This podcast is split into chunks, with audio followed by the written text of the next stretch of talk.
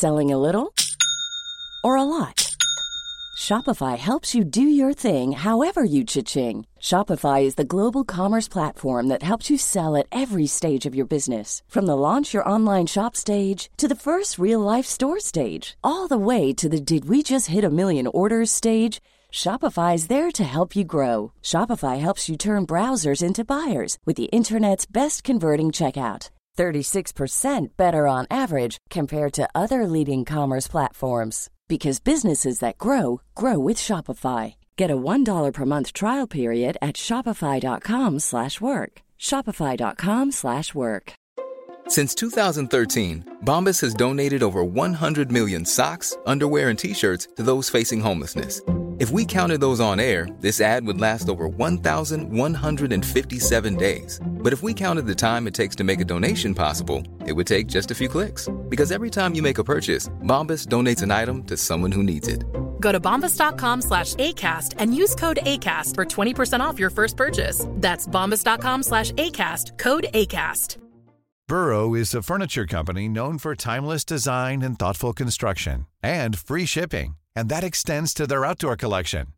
Their outdoor furniture is built to withstand the elements, featuring rust-proof stainless steel hardware, weather-ready teak, and quick-dry foam cushions. For Memorial Day, get 15% off your Burrow purchase at burrow.com slash ACAST and up to 25% off outdoor. That's up to 25% off outdoor furniture at burrow.com slash ACAST. Hvor blir av de middelaldrende kristne?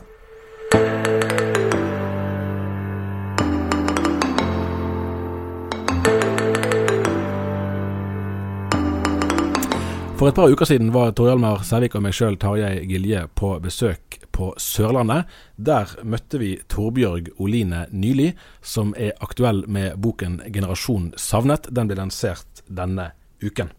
Torbjørg Oline Nyli er misjonærbarn fra Tanzania. Faren er prest i Den norske kirke. Hun er oppvokst med tilknytning til Misjonssambandet, ble konfirmert i Frikirken, har gått på bibelskole og arbeidet i Filadelfia-kirken i Oslo, og er nå pastor i Ytre Randesund misjonskirke i Kristiansand. Ikke å forveksle med Randesund misjonskirke, som jeg feilaktig sier i presentasjonen av henne om noen få sekunder. Det er jo ikke bra å bomme på, på sånne ting. Nei, og det er jo på så vidt betegnende at uh, altså Ytre Randesund Vi kan vel kanskje si at det er en bydel av en bydel i Kristiansand, men de har altså sin egen misjonskirke, som jeg tror samler et par 300 mennesker hver søndag. Så, og den er jo en avlegger av en avlegger. Sånn at, uh, ja, Det sier noe om en landsdel i, i, uh, i vekst, eller i hvert fall i vitalitet, kristelig sett. Ja, jeg tror vi bare setter i gang intervjuet umiddelbart, og så ønsker vi velkommen tilbake allerede denne veka her. Ja, kommer, denne uken her kommer det opp til flere episoder. Ja. ja. Vi høres igjen.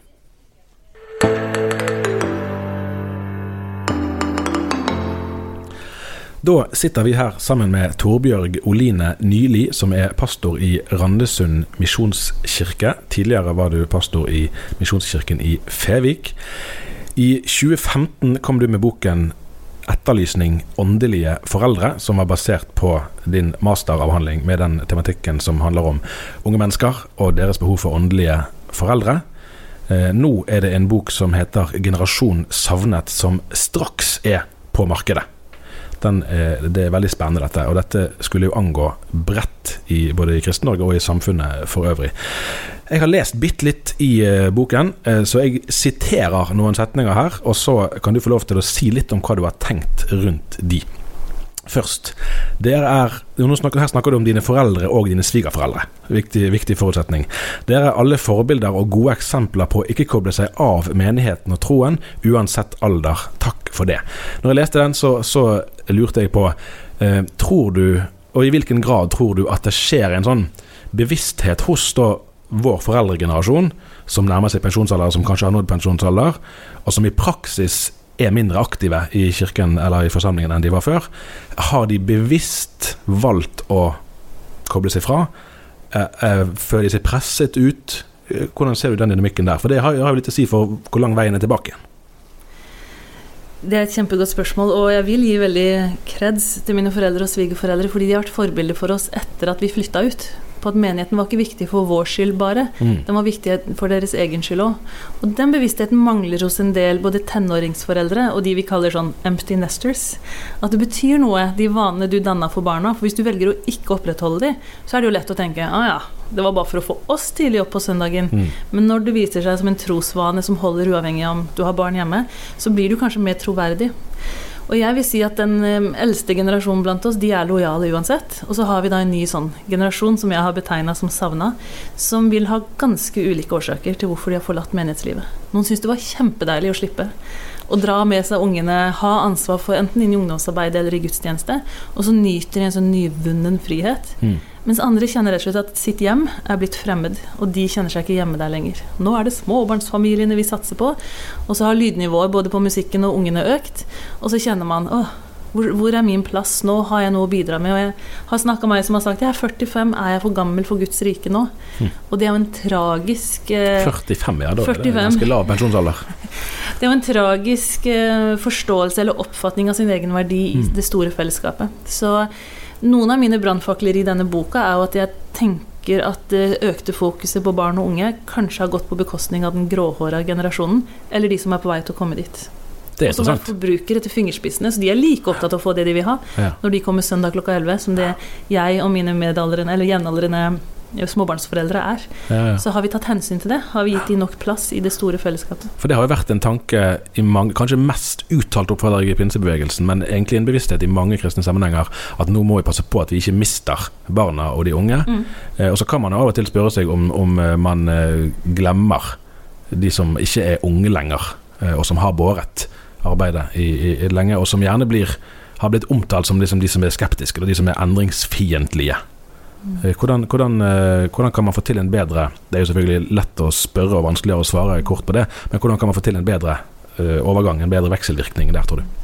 Jeg vil si at De siste fem-seks årene jeg har reist rundt, så har jeg møtt mange såra mennesker som nettopp har opplevd at de kjenner seg nesten skvist ut eller bortprioritert. For hvis du stadig kommer på søndagen og får høre 'nå er det barna og de unge som gjelder', så må man jo spørre seg 'hva med meg? Gjelder ikke jeg lenger?' Mm. Og det er klart Du ser det også i, i den lovsangsbølgen som har tatt oss, hvor det er en ganske ensarta musikkstil som kun er på de unges premisser. Eh, og det også skaper en veldig sånn avstand og fremmedhet. Så jeg tror jo at det er på tide med relasjon, mer enn eh, opplegg og program, og at vi trenger å begynne å snakke sammen. For de unge etterlyser jo de voksne. De har så lyst på voksenkontakt, og i min bok om åndelige foreldre så sa jo nettopp de unge det. Å, jeg skulle gjerne hatt noen over 50 som ville invitert meg på kaffe. Men når jeg burde, eh, sånn, inviterte de til ja, har du vært på formiddagsgudstjenesten og blitt kjent med de eldre? Nei. Det hadde de ikke. Men de vil gjerne ha de på sin banehalvdel. Men jeg tror ikke at vi bare kan forvente at en foreldregenerasjon skal komme og være der kun på barn og unges premisser, deres lydnivå, deres musikkstil, men at vi trenger å komme hverandre mer i møte. Og at vi trenger å inngå større kompromisser enn det vi har til nå. Det er jo et uh, bibelsk uh, prinsipp eller poeng, det med å underordne seg hverandre i kjærlighet og ta hensyn til hverandre. Uh, hvordan opplever du forståelsen for å praktisere det i, i vår tid? Nei, bare tenk på samfunnets opplevelse av underordning-begrepet. Jeg tror den er ganske lik i kristne menigheter. Det er et utdatert Mm. begrep. Og kanskje med den så har det viktige ordet respekt også forsvunnet. Eh, og av og til med god grunn. Jeg har møtt så mange unge mennesker som har fått så mye tyn for lydnivå eller for sangvalget at de syns det har vært vanskelig å lede en forsamling av foreldre som gir de såpass hard medfart etterpå. Det er ikke den beste grobunnen for en god relasjon. Nei, nei. Så noen er blitt såra over foreldres umodenhet eller hardhet. Men på samme måte så har nok en del godt voksne også opplevd seg både litt overkjørt og såra av unges fremadstormende iver, som ikke på noen måte har inkludert de. Eh, Så her tror jeg vi trenger å se hverandre en gang til. Og jeg foreslår jo at istedenfor nakkefellesskap, så trenger vi å sette oss ned og, og se hverandre i øya og Mm. prate sammen. Og det er noe av det vakreste jeg har opplevd de her åra. Det er å f.eks. være på en menighetsviken og så gjennom en hel helg snakke om disse såre og vanskelige temaene, som bl.a. musikk, som ofte har kulminert i at vi har hatt en forsoningshandling på gudstjenesten siste dagen, hvor de eldre har bedt om tilgivelse for at de har meldt seg litt av. Jeg har prioritert hytta, trening, oppussing. Og så har de unge også sett, men tilgi oss for at vi aldri inviterte dere inn. Og at ikke vi så på deres stemme som viktig. Så jeg tror nok at eh, vi begge trenger å se på oss selv, men også se hverandre en gang til. Det er en ganske sterk eh, setning du skriver her, at jeg synes det er ekstra ille når de som skulle innta foreldrerollen, blir bødler istedenfor fødselshjelpere. Mm. Men det er jo sannsynligvis noen ganske smertelige erfaringer som ligger bak en sånn Ja, beskrivelse. det er dessverre det. Og I denne sammenheng så tror jeg jeg snakker om eh, det livet som leves på nett. Mm. Eh, og hvor mange som eh, både har følt seg ganske hardt og tøft behandla av en generasjon som kanskje 50 pluss har vært mest ufiltrert i hvilke tilbakemeldinger de har gitt. Også unges initiativ. Men jeg har også hørt om menigheter hvor de har egne sjelesørgere som er liksom Oppgaven deres er å ta imot lovsangstime etter at de har fått den kritikken ja, de får hver søndag formiddag. Eh, og da tenker jeg at du, du kan ikke stå eh, med et foreldrehjerte i ene hånda og så pekefingeren i andre hånda, Mm. fordi du egentlig vil ha det sånn som det var før. Og så er utfordringen at vi unge er litt for smalspora når det gjelder vår musikkstil. Eh, men det gjelder jo i alle samfunnets sfærer. Mm. Det er akkurat en debatt i P1 om at de spiller jo ikke musikk av folk over 50. Og jeg kan faktisk være litt enig. Ja. At over hele fjøla så er vi for ensarta i musikk. Og der har vi fulgt etter i menighetslivet. Og så kan det jo ikke være at vi skal bli i 1964. Men skal vi bare være 2019? Mm. Og hvor er en sånn balanse, sånn at alle kan få den ene knaggen de kan liksom henge seg på og kjenne åh, nå er jeg med. Dette er meg. Så her tror jeg nok også vi, eller de unge, trenger å gå en vei på det å spørre etter. Hva liker Ja. dere? Hva kan vi gjøre for dere? Hvordan kan det bli best mulig for dere? Og så må de foreldrene øve da på å ikke dominere for mye, og sette det for langt tilbake til den Mm. tida som var deres glanstid. Men eh, det er en del som har såre erfaringer av møte med en, en av og til umoden foreldregenerasjon. Mm, Det er vel kanskje mer uventa fra de. Dette er jo eh, den Altså, de som er i ferd med å bli besteforeldre nå, er jo på mange måter de som var de første til å oppleve en virkelig ungdomskultur. Mm. Eh, og særlig i kristen sammenheng. Det var noe som i løpet av 60-70-tallet kom inn. Så, så på et vis er det nesten litt ironisk at de skal eh, Og samtidig kanskje ikke så rart at, at eh, de skal oppleve at nå er de fremmede. For de var jo blant de første som opplevde at, at kulturen endra seg veldig fort og tok det til seg. Og så kommer det en ny generasjon som har ny kultur. Og så tenker en ja, men hvor blir det av eh, blir det av de, den musikken jeg hørte på da jeg var, jeg var tenåring og 20-åra? Og det er et aspekt til med det, og det er jo at de som var de første som var tenåringer og ungdommer i det begrepets forstand, de hadde jo også et veldig opprør mot det etablerte. Og så forventer de nok et visst opprør fra de unge i dag, men det opprøret er borte. De unge i dag er ikke i opprør. De har lyst til å bli som foreldrene. De er sugne på voksenkontakt. Så der skjer det også en avstand, fordi de i sin godhet sier nei, men vi skal ikke komme på TenSing-kveld. Nei, men vi skal ikke blande oss i ungdomsarbeidet. Og så sitter de unge og tenker hvorfor kommer de ikke når vi er invitert de? Og så tenker de jeg skal ikke bli tante Olga, som er kjip og blande meg. Mens de unge tenker når skal du komme og være her for oss? Så at det ungdomsopprøret er avlyst, det er noe av det viktigste jeg har vært rundt og sagt, særlig til de eldre. At de har ikke samme oppfatning og innstilling til sine foreldre som det dere hadde til deres. Så vær litt med på tilbudssida, for dere er ønska. Og det vakreste er jo de som kommer med vitnesbyrd. De vil ha meg der! De hører på meg! Og har fått fornya tro da, på sin egen rolle inn i, i en gråhåra livsfase. Fordi det er jo fortsatt bruk for meg, hvis du bare kommer i ordentlig kontakt med de unge. Foreldregenerasjonens travelhet oppfattes som en avvisning, Mm. skriver du òg. Vi var akkurat og, og, og besøkte en videregående skole i Rogaland, eh, og der var det eh, en av lærerne som påpekte at eh, fra, hun hadde vært på den skolen i 25 år, at, at ungdommenes tilknytning til foreldrene så ut til å være vesentlig sterkere nå. Det er jo egentlig akkurat det du sier. Og dette er jo litt det står et interessant lys, da, gitt at, at i den tiden så er det jo òg den tiden der, der eh, altså oppløste familier og familiebånd på kryss og tvers Altså for å si det sånn, I dagen så har vi jo oftere skrevet om problemene med oppløsning enn om dette. Eh, og det er jo i, i, i stor grad må det nødvendigvis være òg disse familiene ungdommene søker til. Så de fungerer jo tydeligvis bedre enn kanskje en del eh, har trodd. Absolutt. Og det er interessant at når jeg liksom lufta begrepet åndelige foreldre, så vekta jeg det mot sånne som mentorer, coaching og medvandrere. Og det var så unisont at det var den familierelasjonen som var mest tiltrekkende. Og en sa jo det, det høres mer varig ut. Det lukter kaffe og en sofa. Så altså, foreldre- og familierelasjonene er stadig viktigere for de unge. Og det interessante i den forbindelse er jo at besteforeldrene blir bare mer og mer skatta. Ja. Verdifulle og ønska inn i unges liv. Så det er jo en oppmuntring til at ikke du går ut på dato i Guds rike. For de unge er så sultne på voksenkontakt og familierelasjon. Og det er jo nettopp den analogen, eller det bildet Paulus bruker, at vi er en menighetsfamilie. Men i praksis så blir vi øyer som ikke så ofte møtes og har relasjon mellom de generasjonene. La ingen forakte deg fordi du er gammel. Vi har hørt det utsagnet med et annet ord på slutten. Ja da, det er jo eh, Paulus ord til, til Timotius. Eh, men eh, det var kanskje behov for å, for å sitere Paulus litt fritt. Ja, jeg vil ikke ha på meg at jeg prøver å omskrive Bibelen. Men det er vel for å, for å ha en litt sånn øyeåpner på hvor forakten nå kanskje rettes. Og dette er jo i takt med samfunnets eh, aldersdiskriminering. Hvor du går fortere ut på Mm, dato, mm. hvor du fortere er passé. Og hvor unge, ofte uerfarne stemmer får uh, uforbeholden stor plass i forhold til det de har å si, hva de har å melde. Og det må jo oppleves ekstremt sårt i arbeidsliv og i samfunn. Men når det også skjer i kirke, Mm. så blir jeg litt sånn bekymra for om vi kanskje skulle ha snudd på Paulus i nord fordi vår åpenhet for barn og unge Slipp de til, gi de ansvar. Så har vi kanskje ikke den samme åpenheten for at de som har vært her lenge, fortsatt skal få slippe til å være med og bidra. Så um, det er hensikten bak en viss sånn provoserende setning. Mm, mm. Men jeg tror mange har kjent på at de også i menigheten, når de har bikka en viss alder, ikke er inn eller kule eller eh, kanskje kjenner seg trygge nok for å løfte stemmen og bli hørt. Det ligger jo i flere av de utsagnene du har kommet med så langt, at, at den første boken din og arbeidet rundt den har gitt deg en del oppdrag, rett og slett. Altså, Du har fått besøke en del forskjellige miljøer utover ditt eget. Eh, og det, det ligger jo i sakens natur egentlig at denne tematikken slett ikke eh, angår bare ett kirkesamfunn eller én kristen sammenheng. Eh, Hva er det som har gjort sterkest inntrykk på deg, eller som har overrasket deg, når du har fått et bredere tilfang av folk som har fortalt deg om ja, dette angår meg sånn og sånn? Det overraskende er jo hvor like vi er, uansett hva det står over døra og hvilken tilknytning man har til et kirkesamfunn. Og uansett om du er storby eller en liten bygd, så, så sitter vi med noen av de samme utfordringene. De, det store generasjonsgapet. Mm. Og så blei det over tid klart at de fleste menigheter savna foreldregenerasjonen. De hadde de trofaste eldre, og de hadde, hvis de var heldige, et ungt tilsig.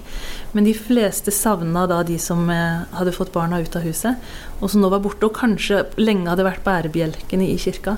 Og opplevde helt fysisk sett tomme stoler.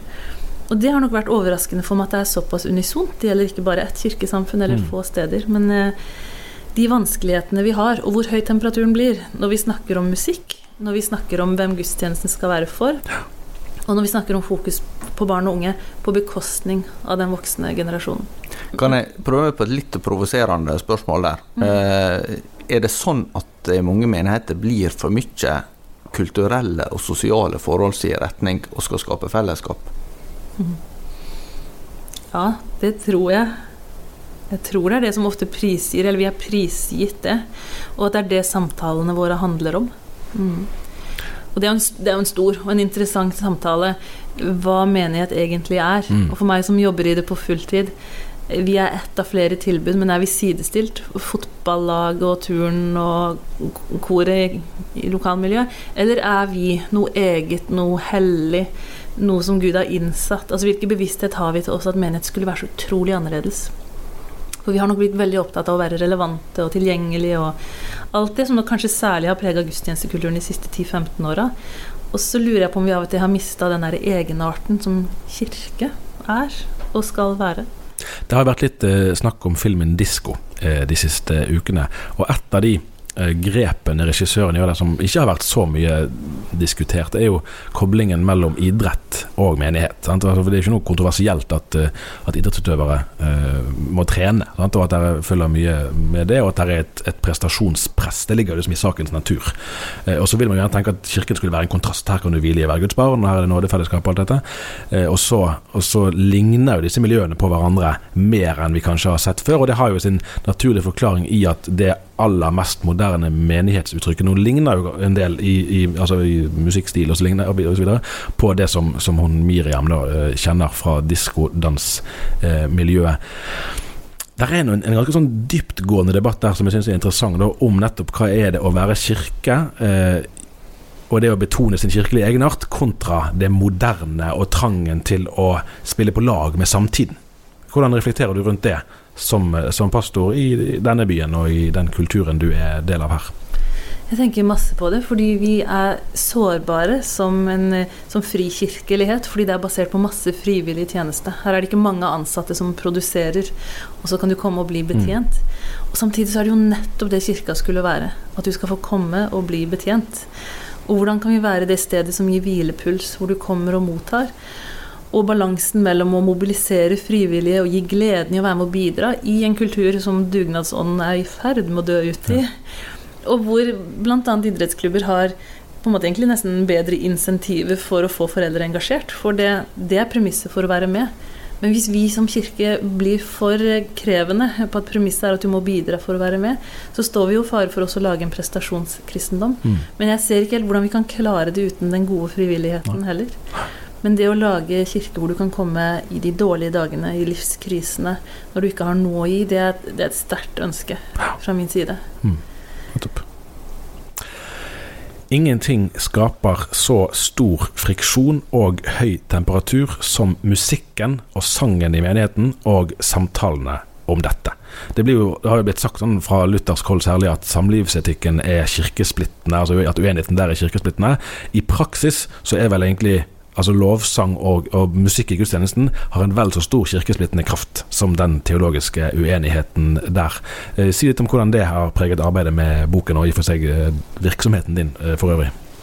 Jeg oppdaga jo raskt hvordan dette temaet var det folk ga tilbakemelding på. Om jeg så bare hadde to setninger om det, så ville de gjerne komme og si noe om hvordan de opplevde det i sin menighet. Og Derfor har jeg, i hvert fall de mulighetene jeg har når jeg har hatt seminar, lagt opp til samtale. Og det beste er jo hvis begge, eller alle, generasjonene er til stede i rommet. Både de som leder i og utøver lovsangen, men de som også har vært med i noen faser og lurer på når denne skal gå over. og det har vært veldig interessant å være en del av å høre de samtalene. For det ender jo veldig ofte godt. Men det begynner ganske hardt. Og det begynner med ganske sterke følelser. Både fra de som opplever seg kritisert, fra noe som er veldig nært og personlig, deres lovsang og tilbedelse, til noen som også opplever det like nært og personlig at de ikke lenger kan sangene.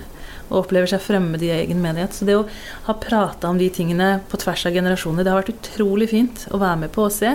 Og jeg kunne ønske at vi la opp til flere samtaler om dette rundt om i menighetene. For det må løftes ut av lederskapsrommet, Mm. styremøterommet, til eh, den gjengse menighetsgjenger. Da, til å snakke om det. tenker jo eh, det, det er blitt eh, påpekt at eh, kristendommen har noe helt spesielt med seg med at allsangen er en så viktig del. Den har jo veldig ulike uttrykk alt etter hvor du er, men, men muslimer synger ikke sammen.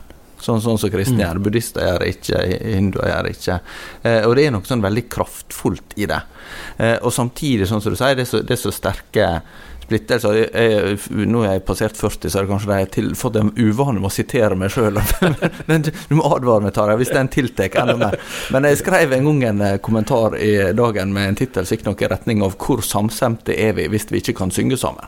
Mm. Eh, og, eh, og litt av tanken er jo at, at eh, et felles, kristen fellesskap der en ikke kan sunge, ikke kan på en måte oppleve at en, at en skaper allsang i fellesskap. Det, det mangler på en måte noe ganske grunnleggende som er kjennetegnet den kirke, kristne kirke.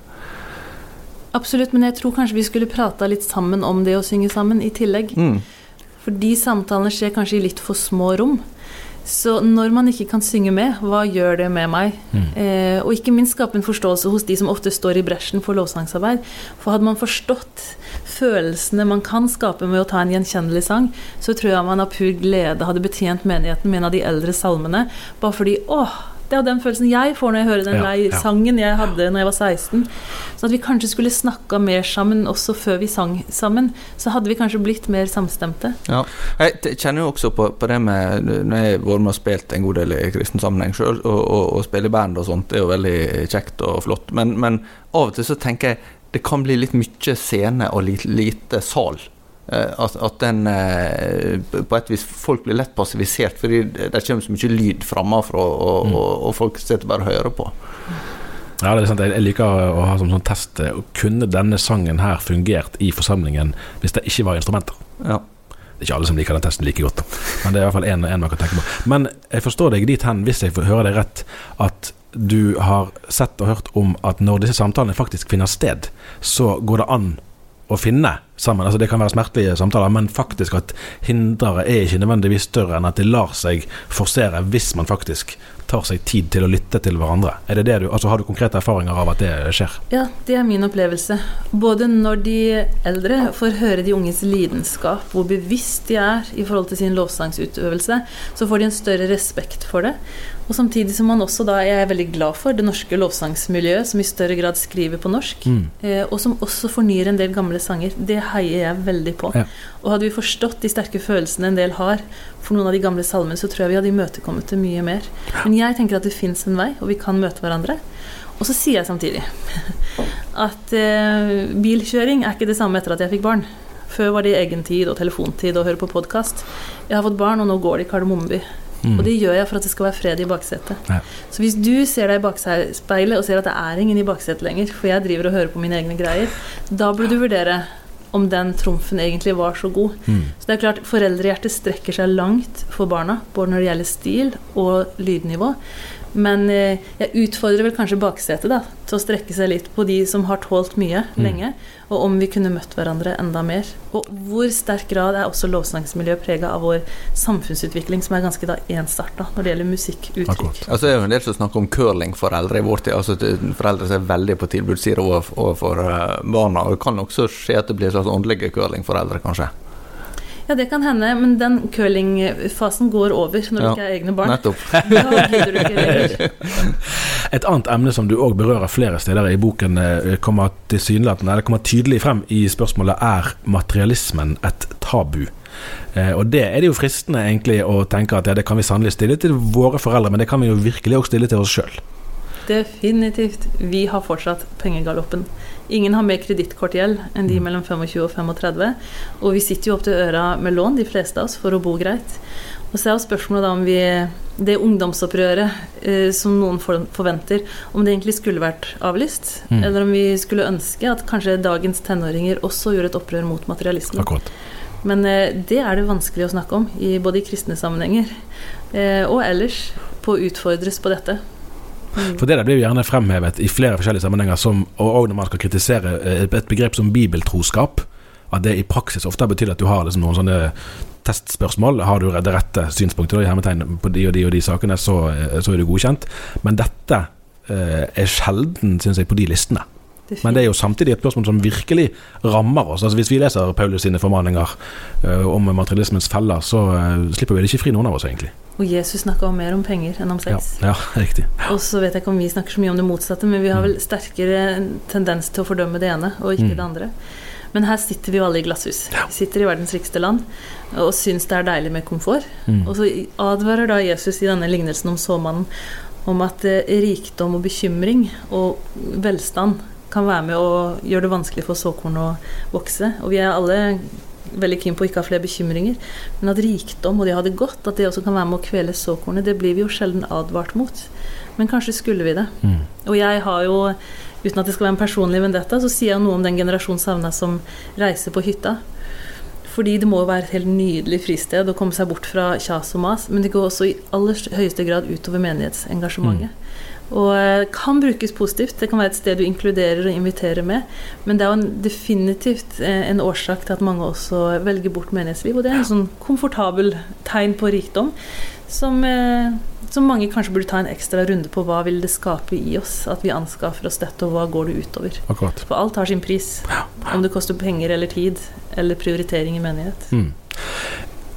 Vi lever i en, i en sekulariseringstid. Det, det, vi tror ikke vi skal, vi skal passe på at vi ikke bruker det ordet altfor mange ganger i hver episode. Det er jo kanskje en viss tendens til. Eh, men, men vi lever jo i en tid der, der det skjer store endringer på det religiøse området i Norge. Eh, og Noe av det som kan bli positivt med det, som kan bli spennende med det, er jo at da vil Kirken i større grad ha behov for å betone sin annerledeshet, sin egenart, det som er genuint kristent. Og Der òg sier du noe som er i hvert fall kontrært til, til eh, noe av det vi har snakket om nå, og til samtiden vår på mange måter, kan trygge voksne tilby stillhet til en overstimulert ung generasjon. Hvis du skal ta den setningen på alvor, så er det en del endringer som må skje i moderne menighetsliv. Absolutt. Og dette pleier jeg å si særlig til besteforeldre som er litt nervøse før barnebarna kommer, for de føler de må finne på så mye. Det må skje så mye når de kommer, og så prøver jeg å si til de kanskje er det nettopp det å kjede seg og ha det stille dine barnebarn egentlig trenger. Eh, og så tenker jeg den foreldregenerasjonen jeg etterlyser, og som er savna, at de kanskje også lengter etter stillheten. Og kunne tenke seg å skape et rom hvor andre også fikk del i den stillheten. Og det tenker jeg hadde vært en utfordring i våre menigheter å skape rom for. Helt eh, konkret så tenker jeg at det er påfallende at eh, jeg har litt samme opplevelse av å komme inn på en del gudstjenester som å gå inn i en butikk. Nemlig at det er ganske høy musikk før Mm. gudstjenesten starter.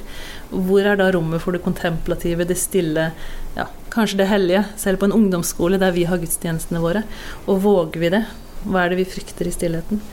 Det tenker jeg Det er gode spørsmål. ja, det er kanskje en av våre tids luksusvarer. Og hvis vi i kirka hadde klart å forvalte det godt og dele den videre, så tenker jeg vi hadde både vært rike, men også tilbudt mye rikdom. Mitt eh, siste sitat er en sånn åndelig setning som man kanskje kan høre på og ta for gitt, men egentlig er jo den spekket med mening. og Dette er fra slutten av boken. Jeg må be om at Den hellige ånd virker i hjertet mitt, så jeg kan kjenne noe av Guds kjærlighet for andre. Hjelp til å tolke setningen forbi på en måte, kristen terminologi. Vi er vel vant til mye 'det burde jeg', og 'det skulle jeg', og jeg blir stadig oppfordra til hva jeg burde begynne med eller slutte med. Men å leve et liv i ånden, det er jo noe helt annet. Det er å være innenfrastyrt. Det er kanskje å ha rom for stillhet lenge nok til at Gud faktisk kan gjøre meg klar over hva som foregår, Mm. ikke minst hva han vil si. Og kanskje trenger Den hellige ånd litt mer stillhet for å ha kår til å snakke inn i livet vårt. Og det at det er Den hellige ånd som eh, vekker en kjærlighet, det er noe annet enn at jeg burde, at det er politisk korrekt, eller at dette er inn. Mm. Men det vakreste er jo når jeg møter mennesker som forteller nettopp det, at det skjedde noe i hjertet først. Det var en sånn hjertesnuing som gjorde at den ene unge jenta som tok plass i sofaen, det ble noe helt annet enn en vanlig kaffe. Det ble en relasjon som hadde evig betydning. Det er vel det som er bønnen min, en sånn hjertevekkelse. At Guds ånd skal slippe til i oss som hans folk. At han får lov til å bevege oss innenifra. Og det kan du ikke bare få vi å lese en bok, men jeg håper jo at boka kan være med å gi et rom, da. At Den hellige ånd skal tale til den enkelte. For det er det eneste som er varig og har betydning, tror jeg. Vel talt. Vi Det sier var- sånn, vi. Ja, takk eh, til deg, Torbjørg Oline Nyli, for at du var eh, med oss. Og så er altså boka ute på eh, markedet nå, på Luther forlag. Neste uke igjen. er vi i Østfold og Vestfold, ikke samtidig, men begge Nei. deler. Vi, høres. prøver begge deler. Ja, vi høres Ha igjen. det.